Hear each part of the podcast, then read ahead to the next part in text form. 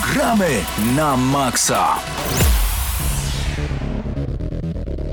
Zawsze, gdy mija godzina 21, jest wtorek, w Radiu Free rozpoczynamy audycję Gramy na Maxa. Dobry wieczór dla wszystkich, którzy w tym momencie włączyli swoje radioodbiorniki, a także zgromadzili się przed komputerami, aby uruchomić radiofree.pl lub włączyć 89,9 FM w Lublinie. Dzień dobry, Krzysztof Lenarczyk, a także Paweł Stachyra, Mateusz Widut, Patryk Ciesielka, Mateusz Zanowicz z Eurogamera oraz Hubert Pomykała i Paweł Typiak. Jest nas naprawdę dzisiaj pełna ekipa, a to dlatego, że rozesłaliśmy się w kilka stron świata i każdy był na czym innym i każdy o czym innym chce opowiedzieć.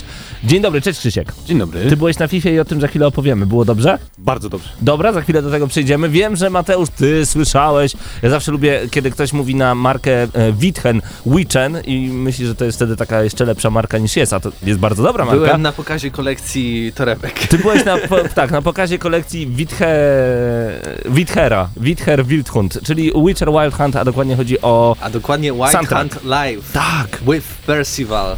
E, Schuttenbach, Percival Schuttenbach, czyli Dokładnie. zespół, który współtworzył muzykę do e, Wiedźmina. E, szybkie wrażenia w dwóch słowach? e, Chyba się tak nie da, ale jakby podsumowując Nie, na nie, samym nie, nie. początku, ale nie. No. Chodzi o to, że to było tak bardzo dobre, że Dobra. aż stwierdzili, że muszą zrobić dwa koncerty w Lublinie, bo się wszystko wyprzedało. W sumie cztery. To dobrze, bo w W końcu przyjdę piątek na dwa, niego. w piątek dwa i w niedzielę dwa. A, jeszcze w piątek. tak, Widzisz, tak, tak. to Ty byłeś na niedzielnym o 17, zaskoczyłeś. był jeszcze później o 20 i tak samo było w piątek. Owacje na stojąco były. Uff, wcale się nie dziwię. Dobrze, więc e, może nie przedłużając, e, bo naprawdę z czasem dzisiaj jest krucho, jeszcze będziemy opowiadać o grze Styx. M, chcia- Razem z Marcinem Górniakiem. Tak jest, czyli jeszcze kolejna osoba w Gramy na Maxa, a chcieliśmy jeszcze opowiedzieć wam dzisiaj o The Legend of Zelda. E, Nie wiem, czy się wyrobimy, więc możliwe, że recenzję przerzucimy na za tydzień. Natomiast teraz cały czas na żywo na naszym Facebooku nadajemy. Hubert jest naszym operatorem kamery. E, Hubert chciałby opowiedzieć o myszce Rokatkowa 2016. E, Chciałby ją zrecenzować, a teraz wchodzi nam tutaj za, za stół. Ostatnio, kiedy on, no on nawet Zaraz nie siedział... kable odłączę. No właśnie, ostatnio kiedy siedział przed stołem, to Uważaj. wszystko spadło. To to, co się będzie działo teraz, to będzie wow. Dobrze, Krzysztof, FIFA 2017 byłeś 17, w Katowicach. Bo Po numer prostu. 2-0 straciło już jakiś czas temu. Okej. Byłem w Katowicach, yy, no i powiem szczerze, byłem bardzo, bardzo pozytywnie zaskoczony. Event, yy, który odbywał się tam, to były oficjalne Mistrzostwa Polski organizowane przez Electronic Arts Polska. Cały event yy, dział się na SL Arenie. I muszę przyznać, że nigdy wcześniej nie widziałem żadnego innego obiektu sportowego, Mhm. ale to jak wyglądała SL Arena, jak profesjonalnie była przygotowana do tej transmisji, zrobiło na mnie ogromne wrażenie. Między innymi siedzenia, fantastyczne grafiki, wszystko praktycznie powiązane w kolorystyce z e, promocji FIFA 17. Pojawiło się mm, między innymi wielu znanych youtuberów i, i inne osobistości e-sportu. Między innymi komentarz całego Aha. turnieju e, prowadził e, Jacob z innym profesjonalnym graczem FIFA, już byłem emerytowanym, że tak powiem, Jarkiem Erdy Karadio, a mm, takim konferencjerem oprócz Savika, znanego z ESL, był Patryk Lachulach, więc organizacja powiedzmy y, stała na najwyższym poziomie i wszystko to, co tam się działo, jak to było zrealizowane, mm, cały event był rejestrowany przez około 20-30 kamer. E, też e, e, całe to przedsięwzięcie było mm, firmowane przez em, TVP Sport, więc takie wywiady na tej antenie także się pojawiły.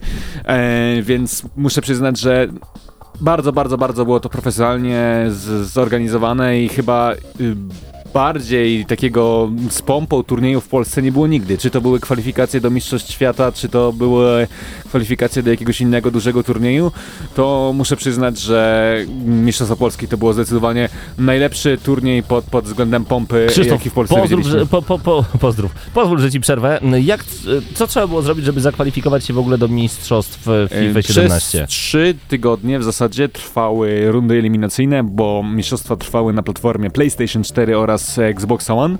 E, Przez te trzy tygodnie były cztery turnieje organizacyjne i oprócz tego, jeżeli komuś się miała tam powinąć noga, bo z każdej rundy awansowywały, awansowały? Awansowały. awansowały do dalszej rundy cztery osoby i, i jeżeli komuś się nie udało, mógł próbować w takiej lidze, drabince e, i z tej drabinki również awansowały cztery osoby. Następnie e, odbyła się kolejna runda eliminacji z tych wszystkich osób, które awansowały i najlepsza ósemka na danej platformie mm, na PlayStation 4 i na Xbox One jechała do Katowic na finały lanowe, które odbywały się na wcześniej wspomnianej ESL Arenie.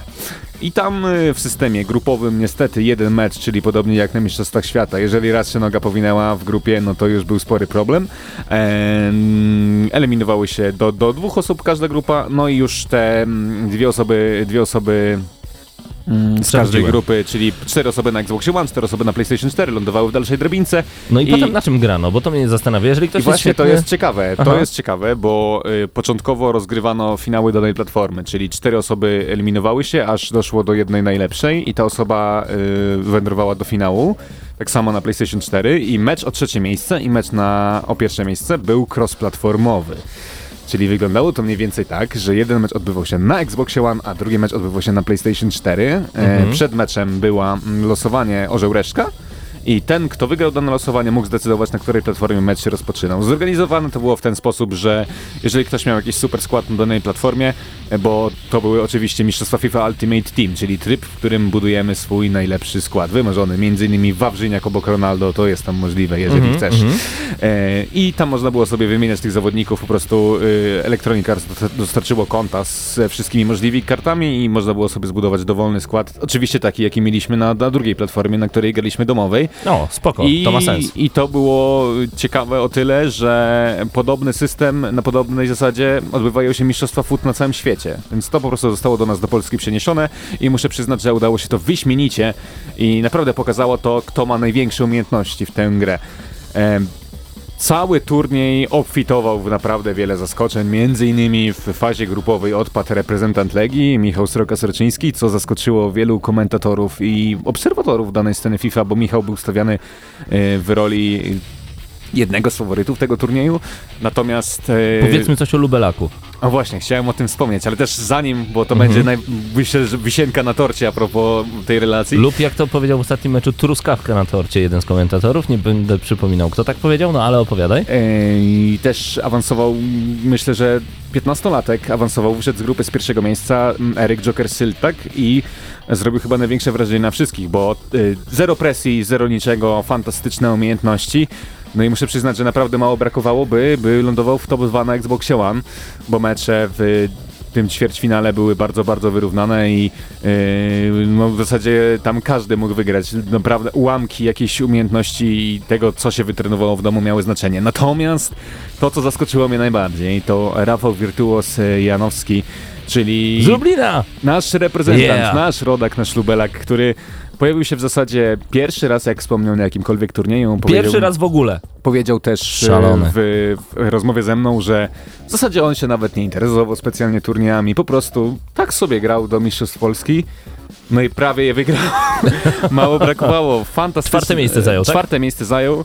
E, Mam nadzieję, że uda nam się zaprosić tutaj e, wirtuoza, że pojawi się w muszę naszej przyznać, audycji. że mm, nie tylko mnie, ale też wszystkich innych ludzi zgromadzonych tam zachwycała jego gra w ataku. To było coś niespotykanego i my w zasadzie łapaliśmy się za głowę co kilka minut i zastanawialiśmy się, jak to jest możliwe. Przecież myśmy nawet nie zdecydowaliby się na taką akcję czy rozegranie piłki, a on, on po robił. prostu pach, pach, pach i bramka i to było coś, co naprawdę robiło wrażenie i Rafałowi serdeczne mm, gratulacje. Mam nadzieję, że pojawi się na, na turniejach, które będą odbywać się w Lublinie, bo w internecie robi już niemałą furorę. Y, możecie sobie zerknąć na jego fanpage y, Założony dzisiaj. założony dzisiaj, który ma już ponad 500 lajków. Także Nice. jeżeli chcecie wiedzieć, kim jest Virtuos, to zapraszam tam. Natomiast y, samym mistrzem Polski został chyba obecnie najlepszy gracz, no już oficjalnie najlepszy gracz w Polsce, a także jeden z najlepszych graczy na świecie, bo na Mistrzostwach Świata również był Miłosz 9-3, Bogdanowski, reprezentant Alsen Team, który w zasadzie chyba nie był do pokonania podczas tego dnia. Fantastyczna forma, fantastyczna gra, w zasadzie bezbłędny. Pamiętasz, jakie były nagrody? 5000 złotych. Wow. Za pierwsze miejsce bodajże 2,5 za drugie, albo 3,5, y, dwa- Mhm. dwa i- y, 1500 za trzecie. Przepraszam, y, 5000 za pierwsze, 3000 za drugie, 1500 za trzecie i 500 za miejsce czwarte. Gratulujemy bardzo gorąco wszystkim A zwycięzcom w tych finale. Miłosz zmierzył się z Marcinem Emeren Szczesem, też byłym zawodnikiem e, Alsen Team, który mm, też złapał chyba formę dnia, fantastycznie grał, praktycznie bezbłędny d- do samego finału i wydawało się, że ten finał będzie bardzo wyrównany, ale skończyło się w dwumeczu 2-5 dla Miłosza, więc mus, muszę przyznać, że naprawdę Miłosz był nie do pokonania i, i jeżeli komuś by się to udało zrobić, to wywołby, o, wywarłby ogromne wrażenie na każdym, a żeby dopełnić formalności, trzecie miejsce. Co ciekawe, zajął zawodnik, który specjalnie na Mistrzostwa Polski przyjechał z Anglii. Mhm. Em, Damian Damie Augustyniak i e, to też był jego taki debiut na turnieju i sam stwierdził, że to jest dopiero początek jego kariery, ale taki sukces na start może coś mu dać. No to trzymamy kciuki i mamy nadzieję, że w Lublinie będzie coraz więcej tego typu em, No już niedługo UMCS. Tournament. Właśnie do tego zmierzam. UMCS Tournament e, już bodajże 8-9 kwietnia, o ile dobrze pamiętam. Tak jest. I wtedy będziemy mogli grać także na w FIFA 17 i na konsolach i zresztą będziecie mogli zagrać w LoL'a, będziecie mogli zagrać w Hearthstone'a nie. Okazuje się, że w Hearthstone'a chyba nie. Nie, przepraszam, w Hearthstone'a tak, ale w OSU nie. Więcej szczegółów na UMCS Tournament możecie wejść do nas na e, grupę. Dzięki Krzysztof, to była nasza relacja prosto z wielkiego Chciałem tylko powiedzieć, że FIFA. jeżeli czujecie się mocni w tę grę, to warto próbować, bo może jak Virtuos uda wam się osiągnąć duży Trzymamy, sukces. trzymamy za was kciuki, trzymamy kciuki także za to, że Wirtuos pojawi się u nas w audycji. Was zostawiamy z krótką przerwą I muzyczną. recenzja. I z recenzją, która Teraz. już za chwilę. E, Już. w- już. Patrz jak się domaga, patrz jak się domaga. Dobrze Mateuszu, bo mamy 11 minut po godzinie 21 i rzeczywiście ta recenzja was wciągnie. Nie jest krótka, ale myślę, że Grastyx także jest Warto. warto, bardzo wciągająca przede wszystkim, więc zostańcie z nami. Gramy na maksa.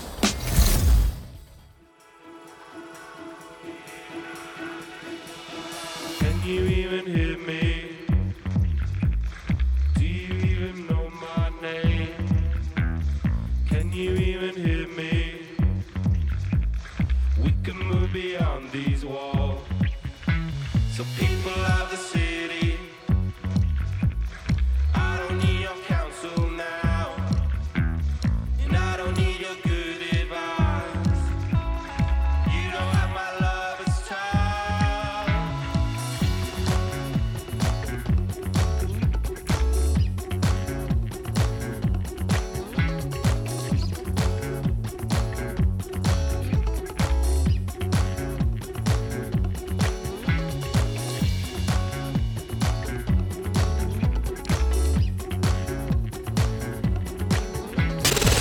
Gramy na maksa.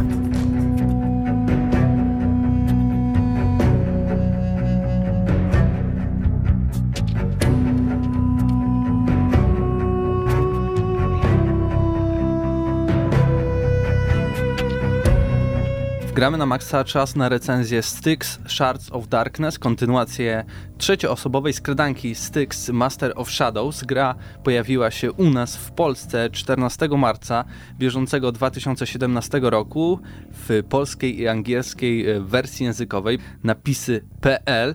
Jest to gra akcji TTP fantazy przygodowa. Wydawcą na świecie jest Focus Home Interactive, producentem Cyanide Studios. W Polsce wydaje grę CDP.pl. Recenzować Styxa nowego będzie ze mną e, Patryk razem z Marcinem. E, Patryku, ty grałeś w Master of Shadows. E, Jakbyś miał porównać te dwie gry tak na samym początku, czy dużo się zmieniło w porównaniu do Master e, of Shadows, czy to jest taka naturalna kontynuacja, która jest tylko rozwinięciem pewnych elementów?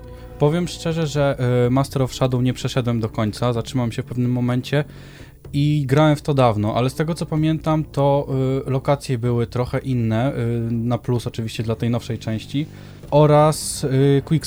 No quick save'y to się od razu rzuca w oczy, bo teraz nawet ostatnio odpaliłem i chciałem przejść jakiś tam kawałek tej gry i nie idzie bez quick save'ów, szczególnie na konsoli. Marcinie, dla ciebie to była jakby pierwsze podejście do całej serii, więc może tutaj standardowo, jak to w recenzjach gramy na maksa, opowiesz trochę o historii. Co się tak naprawdę dzieje, w kogo się wcielamy, jaki jest wątek główny i dlaczego gra nam każe iść dalej, bo na pewno jakieś tam większe zadanie na nas czeka. w głównej grze kierujemy Styxem, chociaż e, niekoniecznie, ponieważ e, tutaj też zaimplementowano tryb kooperacji, który pozwala nam wcielić się w drugiego Goblina i pomagać Styxowi podczas jego przygody.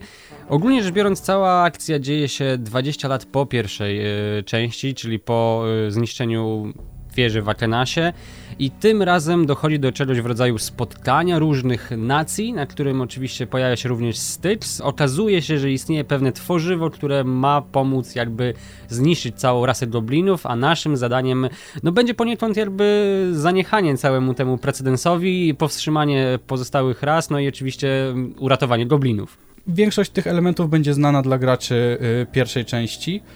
Y, I fabularnie, no fabularnie nie jest najgorzej. Nie jest najgorzej, naprawdę spo, spodziewałem się jakiegoś y, gorszego zakończenia, y, gorszej historii. Jest cały czas dopowiadana każda kolejna jakaś informacja i dzięki temu to wszystko zaczynam się na koniec składać w jedną całość. Tylko oczywiście tutaj chcemy zaznaczyć, że fabuła nie jest oczywiście najważniejszym elementem tej pozycji. Tutaj chodzi oczywiście o skradanie, o to, żeby przejść każdą misję fabularną cichaczem.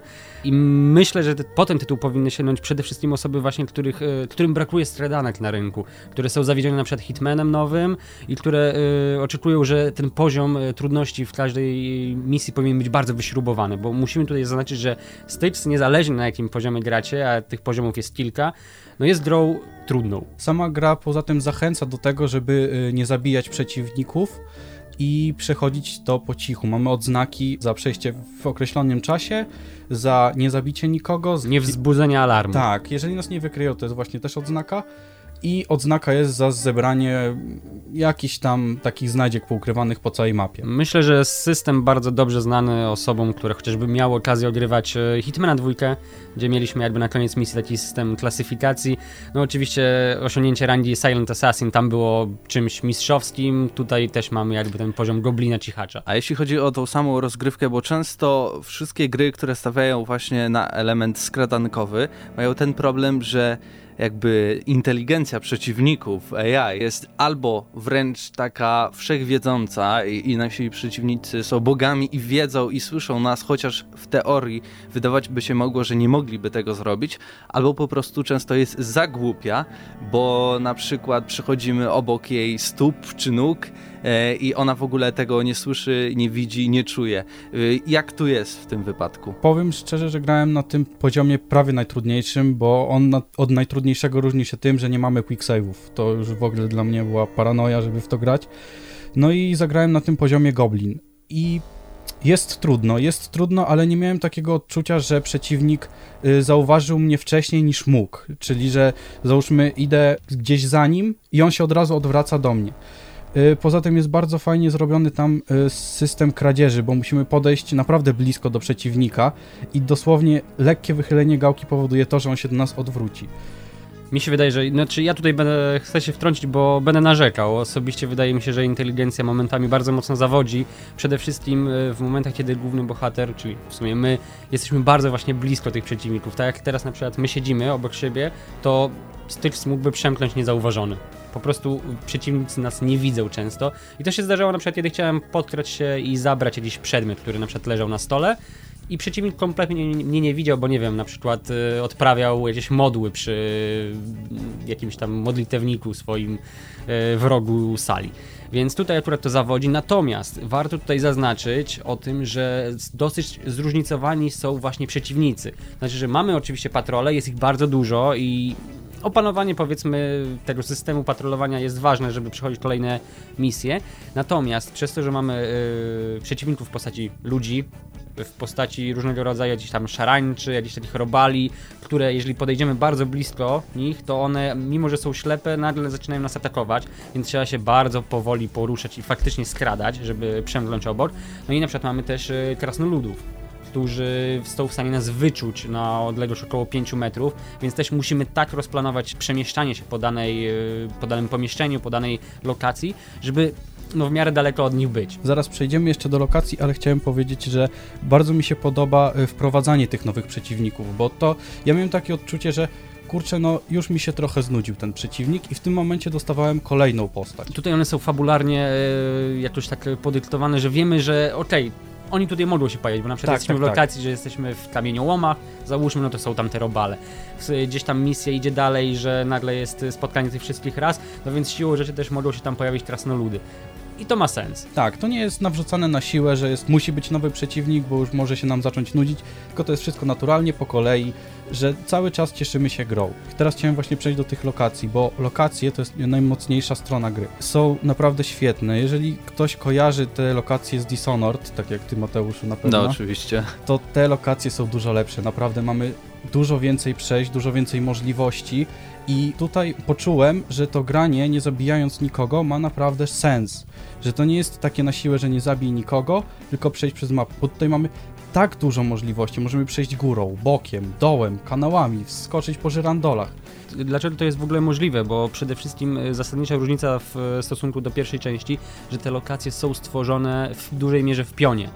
To znaczy, Mhm. że po prostu możemy, właśnie tak jak powiedziałeś, poruszać się po żyrandolach, po różnego rodzaju belkach, e, podstawach jakby e, budynków, możemy przemykać właśnie korytarzami, takimi wnękami pod, pod budynkiem, więc to pozwala nam jakby kombinować. I tutaj no zdecydowany plus. Mhm. Tak jak wspomniałem y, w jedynce, to jest na plus dla tej nowszej części, bo lokacje w jedynce były trochę słabsze, bo odnosiłem wrażenie, że można przejść górą, środkiem albo dołem.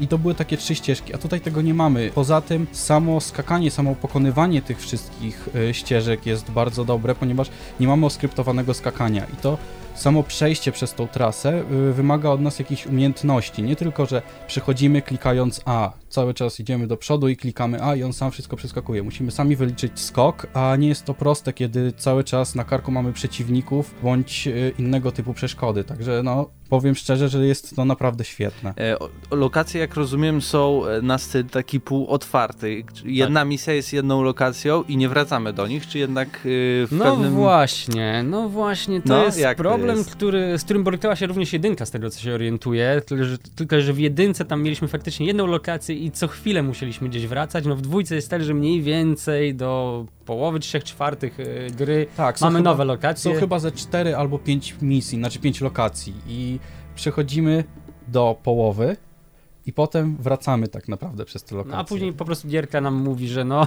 to tyl, na tyle budżet, budżetu nam starczyło, więc Czyli taki inteli- inteligentny recykling troszeczkę w, ty, w tym wymiarze. Znaczy wiesz, no, to ma sens znowu, no bo ta fabuła jest tak podyktowana, że no, powinniśmy się tam e, wracać. E, Faktycznie trafiamy do troszeczkę odmienionych lokacji, w sensie do innej części załóżmy danego miasta. Nie chcę powiedzieć więcej, bo za dużo zdradzę, ale no mimo wszystko jest to backtracking.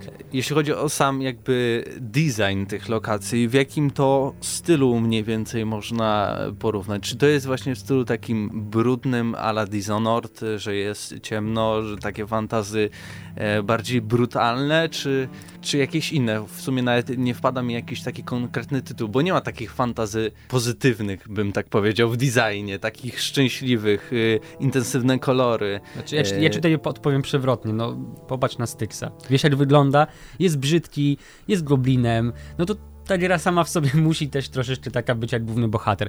Ale y, nie wiem, czy Patryk się tutaj ze mną zgodzisz, no ja cały czas grając y, w Styxa i nawet patrząc na mechanikę, na to jak to wszystko zostało zrealizowane przez twórców, no ja miałem wrażenie jakbym grał w y, piękniejszego Gotika. W sensie chodzi trochę o taką stylizację, o pewne mechanizmy. To oczywiście Gothic też w momencie, został wydany, nie był najlepszą grą, jeżeli chodzi o mechanizmy y, na rynku, jeżeli byśmy nawet porównywali do Morrowinda czy innych RPGów z tamtych czasów, ale mimo wszystko miał to niezwykłe coś, co pozwoliło tę grę pokochać.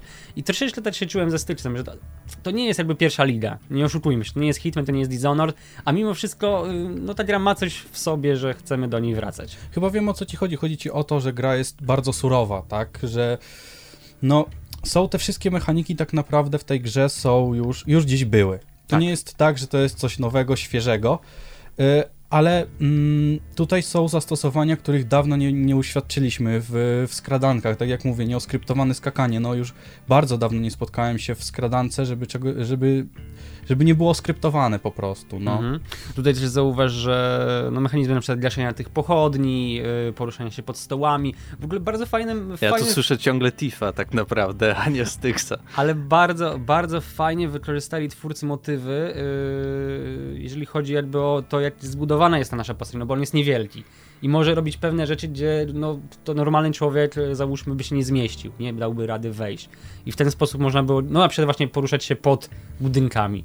Tak, tak, zgadza się, no bo w Dishonored jak mieliśmy takiego dużego chłopa, który wchodził pod takie małe łóżko, no to było trochę dziwne, a tutaj jak mamy goblina, to to jakoś Myślę, tak że naturalnie wychodzi. Trochę jakby zamykając temat, musimy pójść do najważniejszego punktu, czyli yy, no, o tych mechanizmach jakby przechodzenia yy, całej rozgrywki, czyli o tym skradaniu się, no bo mamy oczywiście możliwość bycia takim goblinem, goblinem, czyli po prostu nikogo nie zaatakujemy, nikogo nie, nie wzniecimy żadnego alarmu, no ale mamy oczywiście też ścieżkę totalnego Rambo, gdzie no, mimo wszystko Styx nie jest w stanie zabić w pojedynkę kilku przeciwników, ale ma różne inne mechanizmy pozwalające mu jakby ubijać również tych wrogów, między innymi na przykład zatruwanie jedzenia, albo robienie zasadzek na przeciwników, może również rzucać butelkami, może właśnie gasić te pochodnie, tworzyć dla siebie jakby takie ścieżki umożliwiające mu łatwiejsze przemykanie.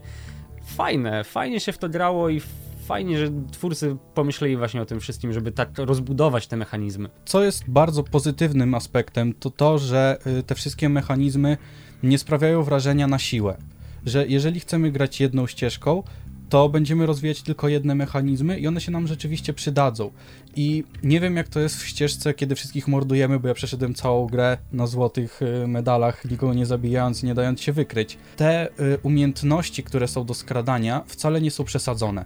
One nam lekko pomagają. Na przykład słyszymy chodzenie przeciwników, tak? Przez ścianę widzimy tak jakby takie kółka jak na wodzie, ale tylko, tylko te kółka. Jeżeli przeciwnik się zatrzyma, nie widzimy go. Nie mamy, że całą posturę widzimy przez ścianę przeciwnika.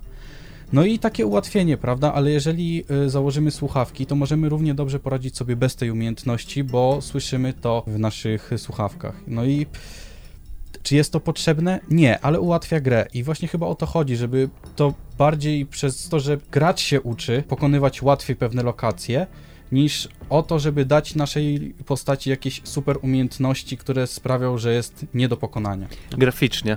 No jest lepiej niż w jedynce, to, to chyba każdy z nas może... No to już 3 lata minęło od y, poprzedniej Dokładnie. części, no to jakby tak Eee, samo z siebie wynika. To znaczy, no to nie jest pierwsza liga, no umówmy się, że... Ale też, wiesz, to nie jest pierwsza liga, ale pamiętajmy, że też ta gra jest tańsza niż wszystkie gry z pierwszej ligi.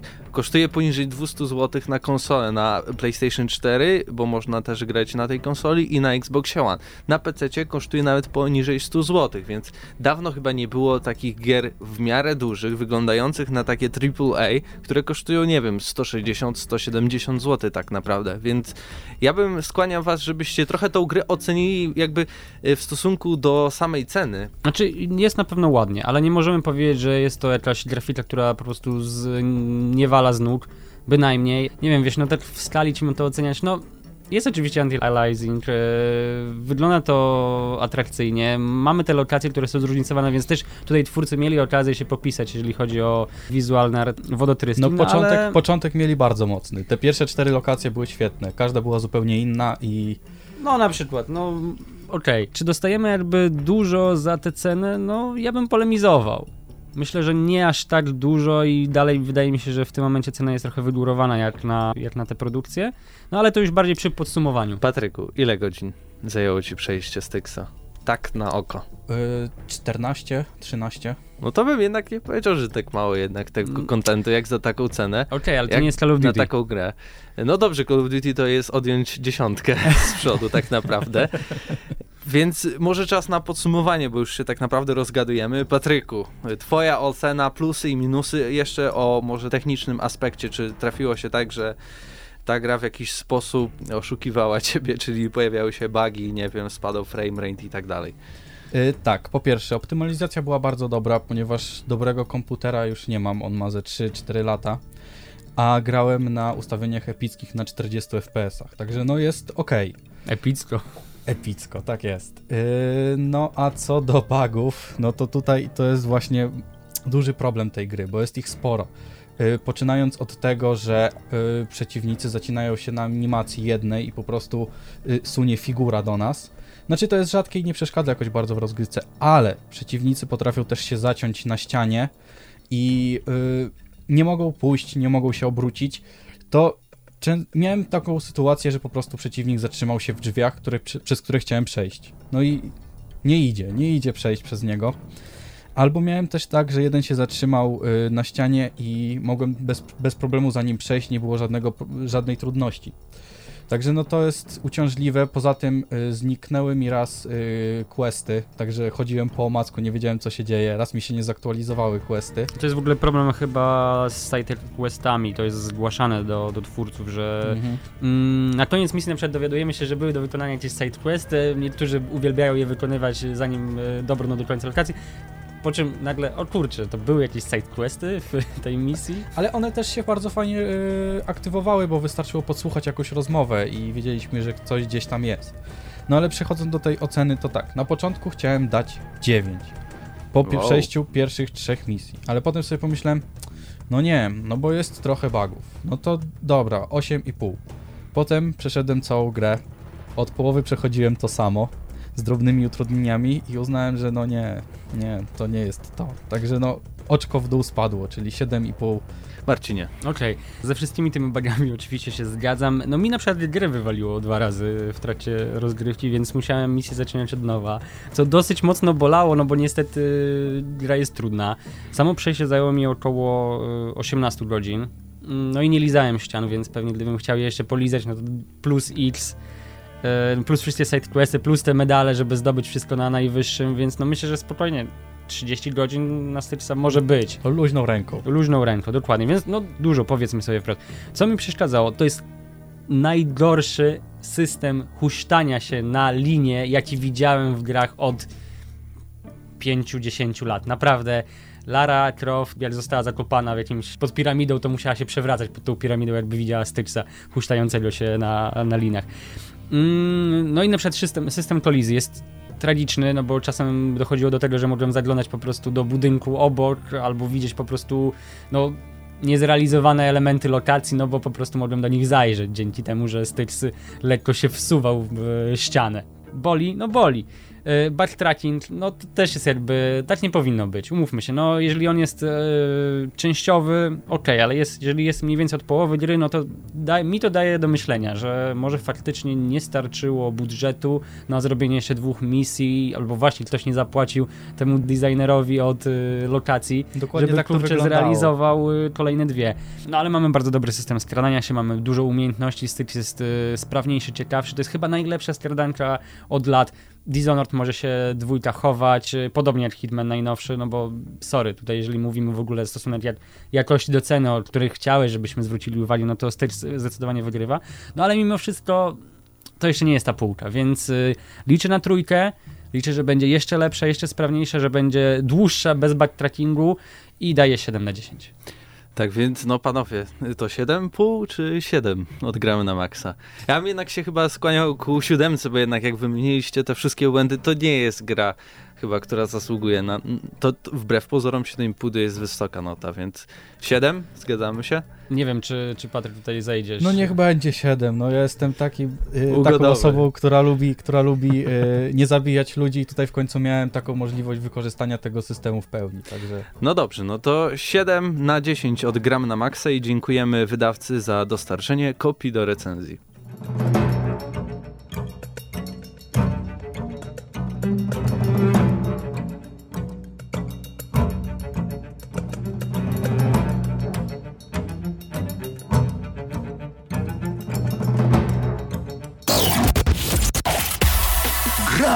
Na maksa.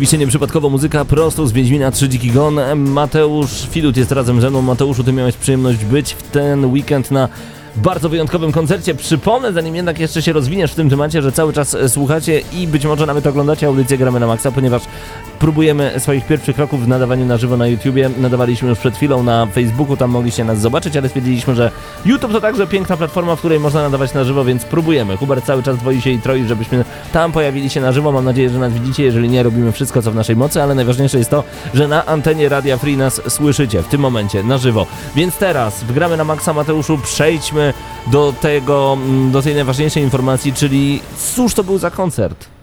Jak się okazuje, były aż cztery koncerty e, Mhm. w tym tygodniu w Lublinie e, związane z Wiedźminem i, i z zespołem Percival. Dwa w piątek e, i dwa w niedzielę. Ja byłem na tym o godzinie 17, był jeszcze o godzinie 20. E, tak więc pierwotnie w ogóle planowano, że będzie jeden koncert, ale tak wielkie jest zainteresowanie, szczególnie nawet na Lubelszczyźnie, Mhm. e, muzyką z Wiedźmina, grą Wiedźmin, że no tw- twórcy zespół stwierdzili, że no kurde, musimy chyba zrobić więcej tych koncertów, a naprawdę było multum ludzi. No właśnie, bo koncert nazywał się Wild Hunt e, Live. Ciężko jest to wypowiedzieć, natomiast e, ty, ty miałeś w ogóle bilety na dostawkę, czyli już nawet nie na tak, miejsce ja siedzące. siedziałem na takich twardych krzesłach, że aż y, z, y, cztery litery mnie bolały troszeczkę, bo y, cały koncert y, trwał około półtorej godziny, Okej. plus taki mały bisik, y, który był w ogóle improwizacją razem z publicznością, co mi się bardzo podobało, że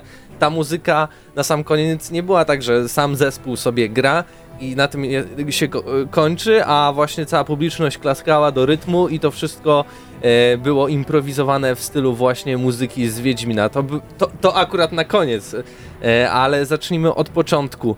E, cały koncert był zwizualizowany również, dodatkowo rozgrywką z Wiedźmina trzeciego, były zwiastuny, ale też na przykład jakieś timelapsy e, prosto z, z lasów e, temerskich i tak dalej, więc to wszystko fajnie współgrało. Była też na przykład e, pieśń Pryszcili, te osoby, które grały i, i znają Wiedźmina 3 wiedzą, że jest pewien moment, kiedy w samej grze idziemy na koncert pewnej Bartki, śpiewaczki i ona właśnie tam śpiewa Wilczą Zamieć i tu było to tak idealnie synchronizowane, że tutaj na scenie właśnie kobieta e, i, i, i mężczyzna e, z Percival zaczęli grać i to samo widzieliśmy z tyłu Wow. e, na wielkim ekranie. wideo, tak? i to, to, to świetny efekt robiło, więc Wow. jeśli ktoś jest fanem Wiedźmina, ja naprawdę polecam, podejrzewam, jeszcze jest ym, kilka koncertów po Polsce, więc to nie jest tak, że to już koniec. Na pewno gdzieś możecie jeszcze znaleźć bilety, ale śpieszcie się, bo jak widać, y, no, na pniu schodzą od razu, jeśli są prawda. dostępne. W ogóle były bardzo trudne do dostania. Chciałem podziękować Filharmonii Lubelskiej za udostępnienie dla e, Gramy na Maxa, dla Radia Free e, dwóch biletów właśnie na ten koncert. Dzięki temu możemy poopowiadać troszeczkę o naszych wrażeniach właśnie z koncertu Wild Hunt Live. E, Percival to wyjątkowa grupa. e, Znamy ich także z występów z Donatanem notabene. Natomiast jeżeli chodzi o samego Wiedźmina, e, oni potrafią zrobić niesamowite emocje, wybudować je za pomocą dźwięków, a potem powiedz mi, ponieważ ja nie byłem na tym koncercie, czy potrafią na koncercie oddać dokładnie to, co słyszymy na płycie?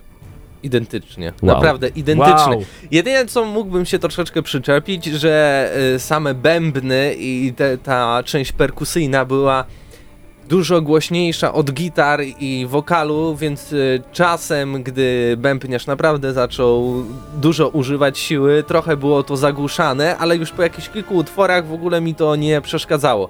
Dodatkowo razem z Percivalem był teatr Avatar e, i aktorzy, którzy wcielali się w rolę na przykład Geralta, w rolę Tris, e, w rolę różnych potworów nawet bym Wow. powiedział.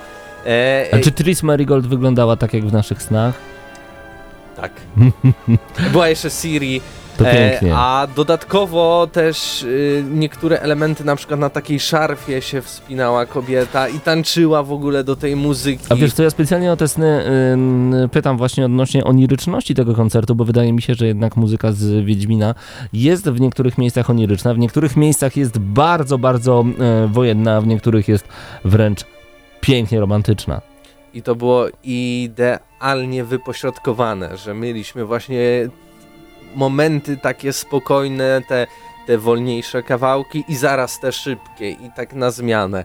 E, A czasem była w ogóle przerwa nagle i widzieliśmy pewien motyw, Mhm. y, to już tylko oglądaliśmy na przykład na tym dużym ekranie i zaraz wchodził zespół razem z tą oprawą teatralną, gdzie tam tak naprawdę ci aktorzy też wchodzili w samą publiczność, zabierali na przykład facetów, y, żeby potańczyć akurat przy pieśni takiej, gdy wchodzimy w Wiedźminie 3 do jakiejś, y, do jakiejś karczmy albo wśród mieszczaństwa się poruszamy. Dla ciebie jako dla gracza i wielkiego fana Wiedźmina... Ciarki bo- miałem. No właśnie, czy, czy to było takie trochę spełnienie marzeń, możliwość dostania się do tej gry, do tego świata jeszcze bardziej? Trochę tak dziwnie się czułem, bo myślałem, że jestem jednak w takim elitarnym gronie osób, które grają w Wiedźmina. W sensie, wiadomo, że gry są powszechne, ale tak nigdy, Ale- mhm. nigdy nie wiesz, bo tak naprawdę spotykam się z tobą, z kolegami innymi z radia, okej, my gramy, my się znamy, no to tak y, czasem spotykając ludzi, a grasz w gry, o coś tam, coś tam, a nagle przychodzisz do Filharmonii i jest 3000 osób, od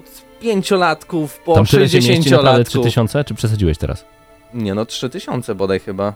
Żartujesz. Albo półtora. Wow. Nie wiem, Trzy nie, albo nie, chcę, półtora. nie chcę skłamać, ale, Ale- wiem, że to była duża liczba, jak Okej. patrzyłem. Filharmonia była pełna. Chyba, że to e, 3000 na dwie tury. O, Chyba, że tak. sposób. Albo na cztery, bo też pamiętajmy, że cztery koncerty No się tak. odbyły. Mhm. Y, y, wiesz co, mnie Tak ostatnio... więc rozpiętość jakby tyle, ile osób było tam, to naprawdę i małych, i dużych, i starszych. I tak myślisz sobie, "A, ja nie jestem sam. Ja pisałem licencjat z, z w ogóle z fenomenu Wiedźmina w Polsce i, i wtedy widzisz, kurde, no mogłem to wpisać. Szkoda, że tego licencjatu nie piszę teraz później, bo, To prawda. bo bym to wpisał w niego. To prawda, to prawda. E, Dzięki Mateuszu. Nie chcę, żebyś podsumowywał jakąś oceną e, całą, t, całą tą informację o Wild Hunt Live. Zapraszamy Was bardzo gorąco, znajdźcie informacje na temat tego koncertu. Z tego, co słyszę od Mateusza, warto. Warto, naprawdę warto. Zdecydowanie warto. Wy słuchacie i na pewno już oglądacie audycję Gramy na Maxa także na naszym kanale na YouTubie. Wpiszcie Gramy na Maxa po prostu wchodząc na YouTube. Was zostawiamy jeszcze na chwilę z muzyką od Wiedźmina. Już za chwilę na miejscu Mateusza pojawi się Hubert Pomykała, który opowie Wam o nowej myszce Rokatkowach. Hubert, nie wyłączaj mi tego nawet. Po prostu sobie usiądź i razem z nami tutaj będziesz opowiadał teraz o myszce. Już teraz. Chodź. E, a Was zapraszamy na krótką przerwę, gdzie Wiedźmin nam trochę po... Znaczy on nie będzie śpiewał, ale muzyka z Wiedźmina jak najbardziej. Zostańcie z Gramy na Maxa.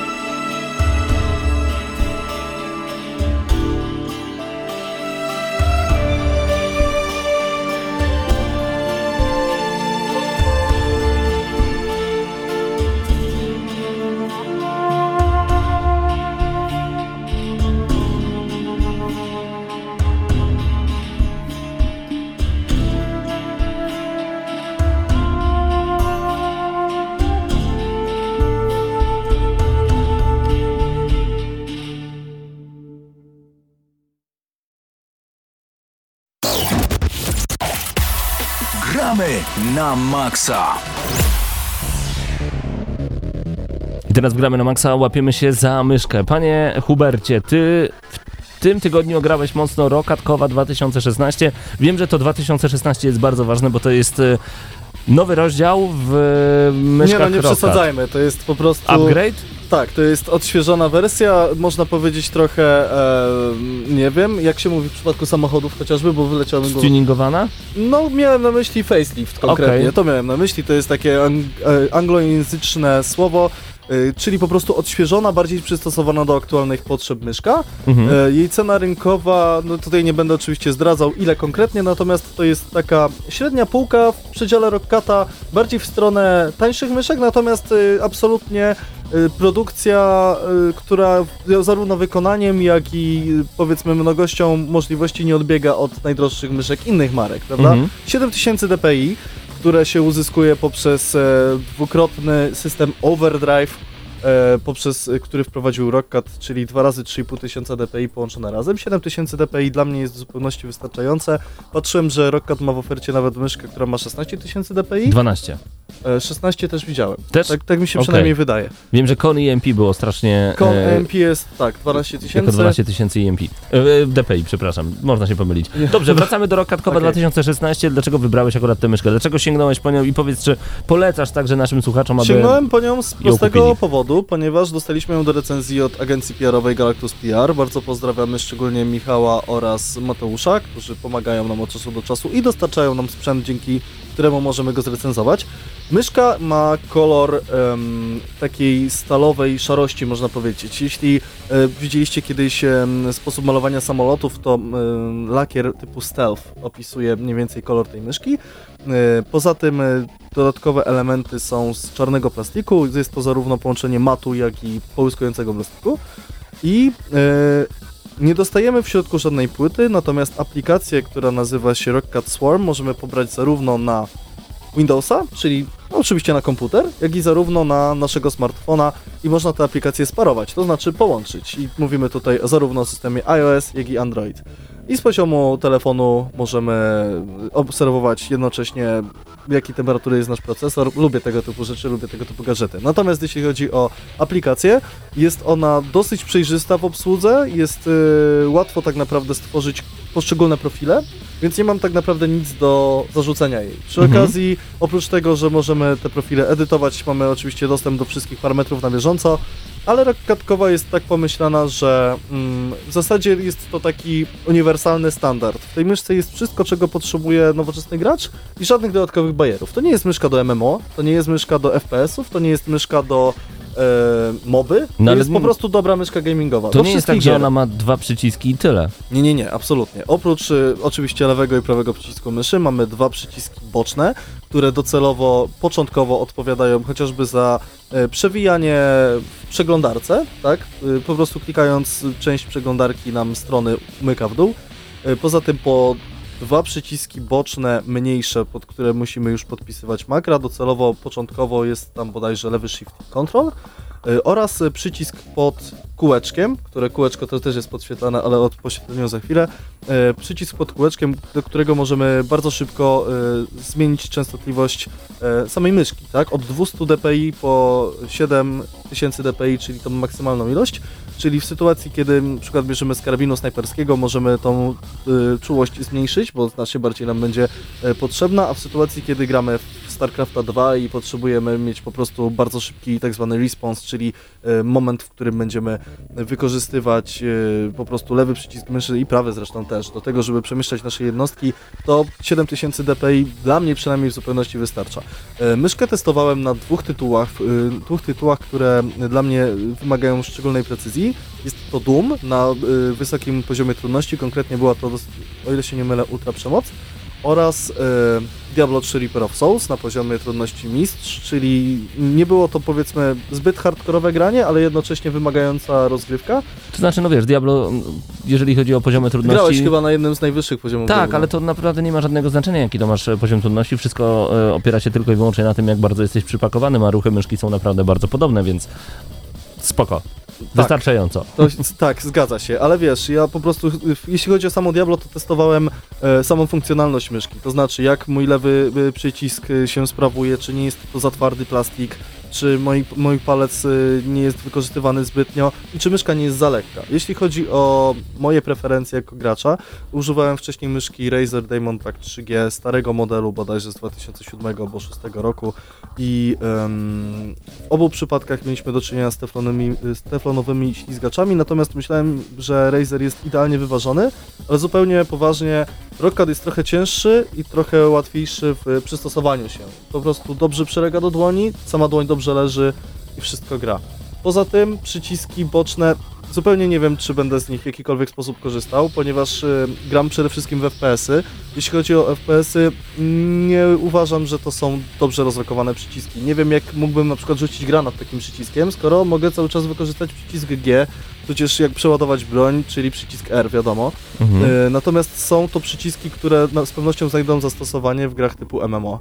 E, Myślę, że World of Warcraft i tego typu produkcje e, z dodatkowych przycisków, które no, części graczy się wydają być zbędne, a części nie, na pewno wykorzysta. Ale z drugiej strony, jak na to pomyślimy, to em, myszek dedykowanych do MMO, a szczególnie do World of Warcraft jest mnóstwo i one mają całe panele boczne z y, małymi przyciskami, które możemy obsługiwać kciukiem, więc to też nie do końca to. Myszka e, rockkatkowa jest po prostu dobrą myszką, kiedy nie mamy zbyt dużego budżetu, kiedy nie wiemy tak naprawdę czego potrzebujemy, a idziemy do sklepu w ciemno i mm, powiedzmy macamy te gryzonie. Staramy się je podnieść, zdecydować co jest odpowiednie. Właśnie. Pla- Plastik, który jest wykonany, znaczy został wykorzystany jest wykonany odpowiednio, nic nie, nie, nie jest luźne. A wygoda?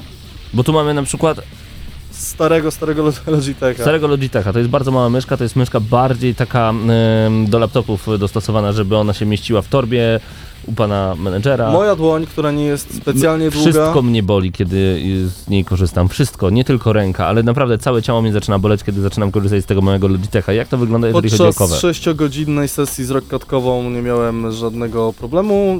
Nadgarstek mnie nie bolał, tak samo przed ramię, więc myślę, że to jest wystarczający argument za.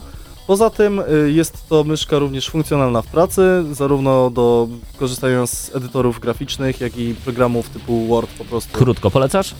Polecam, y, wystawiam takie, takie sympatyczne Czekaj, 7,5. Myszka do Worda? No dlaczego nie? No jak masz, ja mam laptopa, więc mam touchpad. Nie, no w sumie racja. Dobra, No niech będzie. Nie, Wystawiam będzie. 7,5 Mhm. e, z naciskiem, że raczej zachęcam. Myślę, że cenowo y, relacja cena-jakość jest bardzo, bardzo, naprawdę bardzo dobra. Czyli polecamy. Polecamy zdecydowanie i po prostu. Po prostu, rok katkowa to jest dobra myszka. 2016 i tyle. Dzięki wielkie, Hubert Pomykała. My już za chwilę wracamy do audycji Gramy na Maxa. Kończymy nadawanie na żywo na YouTubie, ale na żywo będziemy jeszcze w Radiu Free do godziny 22, dlatego zostańcie z nami jak najdłużej. Gramy na maksa.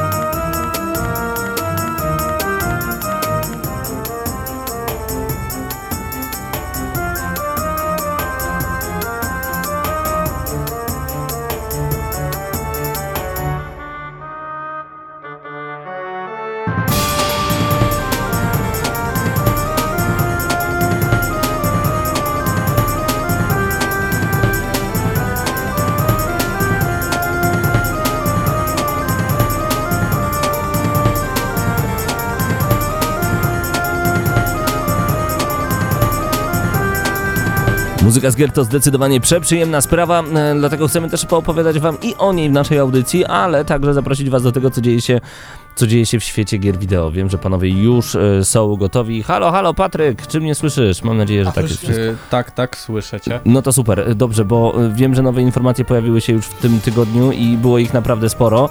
E, wiem także, że e, coś odnośnie Destiny 2. opowiadaj, co takiego ciekawego już teraz z Destiny pojawiło się w świecie gier wideo, bo y, wiem, że zostało to zapowiedziane, ale Y, tak, znaczy pojawił się teaser teraz do y, Destiny 2. W trakcie trwania tej audycji. Dokładnie. Pięknie. Nawet nawet puszczaliśmy na żywo, także O. jak ktoś był, to mógł zobaczyć cały teaser. super, super.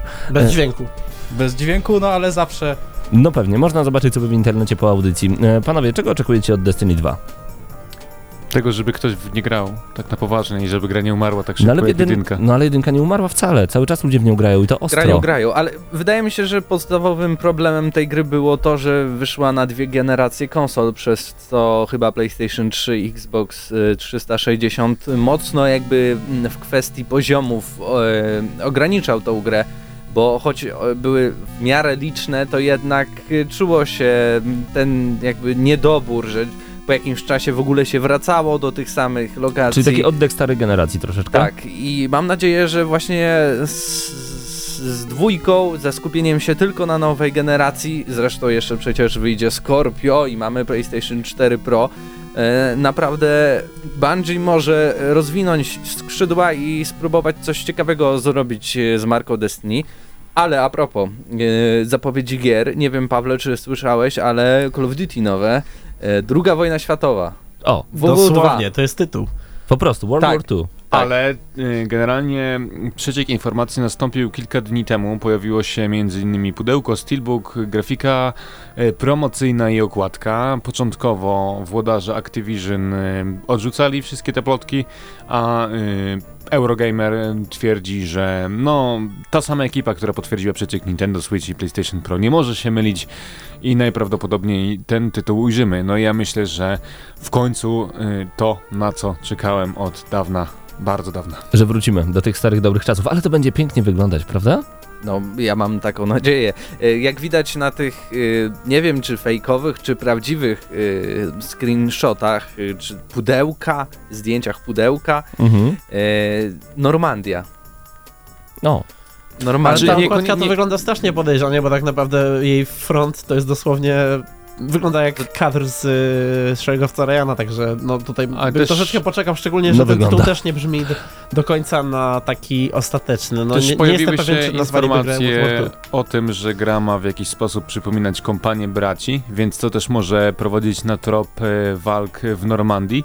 E, przynajmniej ma mieć taką podobną filmowość, fabułę i pokazywać zażyłość bohaterów. To Mhm. ja znam taką grę. Ona już jakiś czas Brothers temu wyszła. in Arms. Brothers in Arms. Highway. tak jest. No dobra, ale zapowiedziano też StarCrafta. Remaster.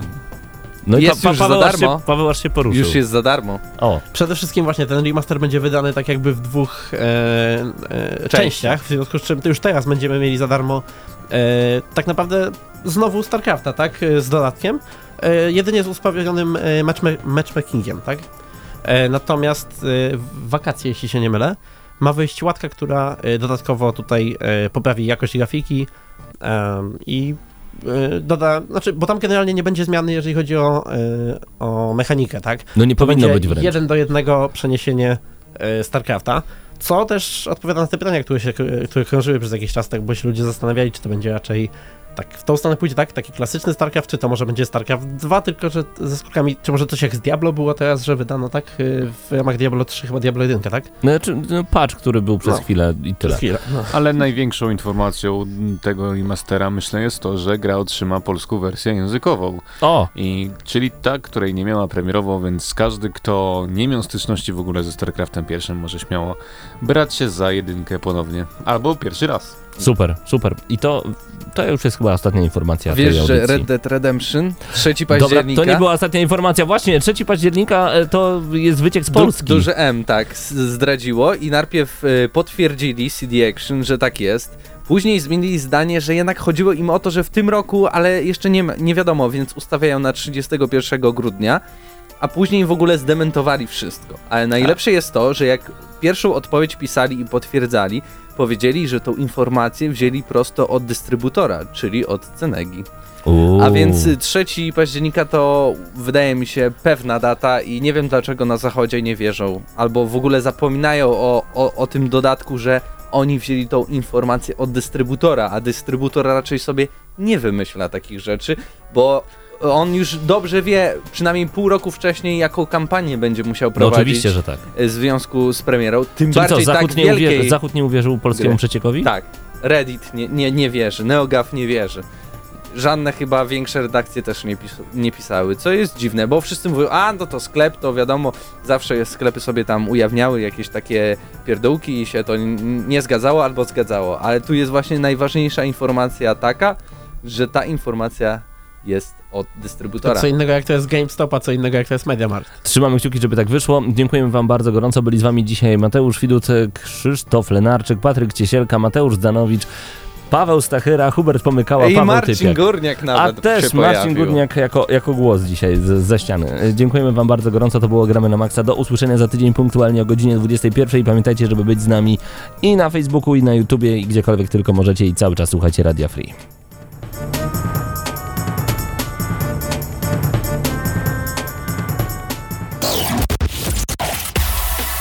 Gramy na maksa.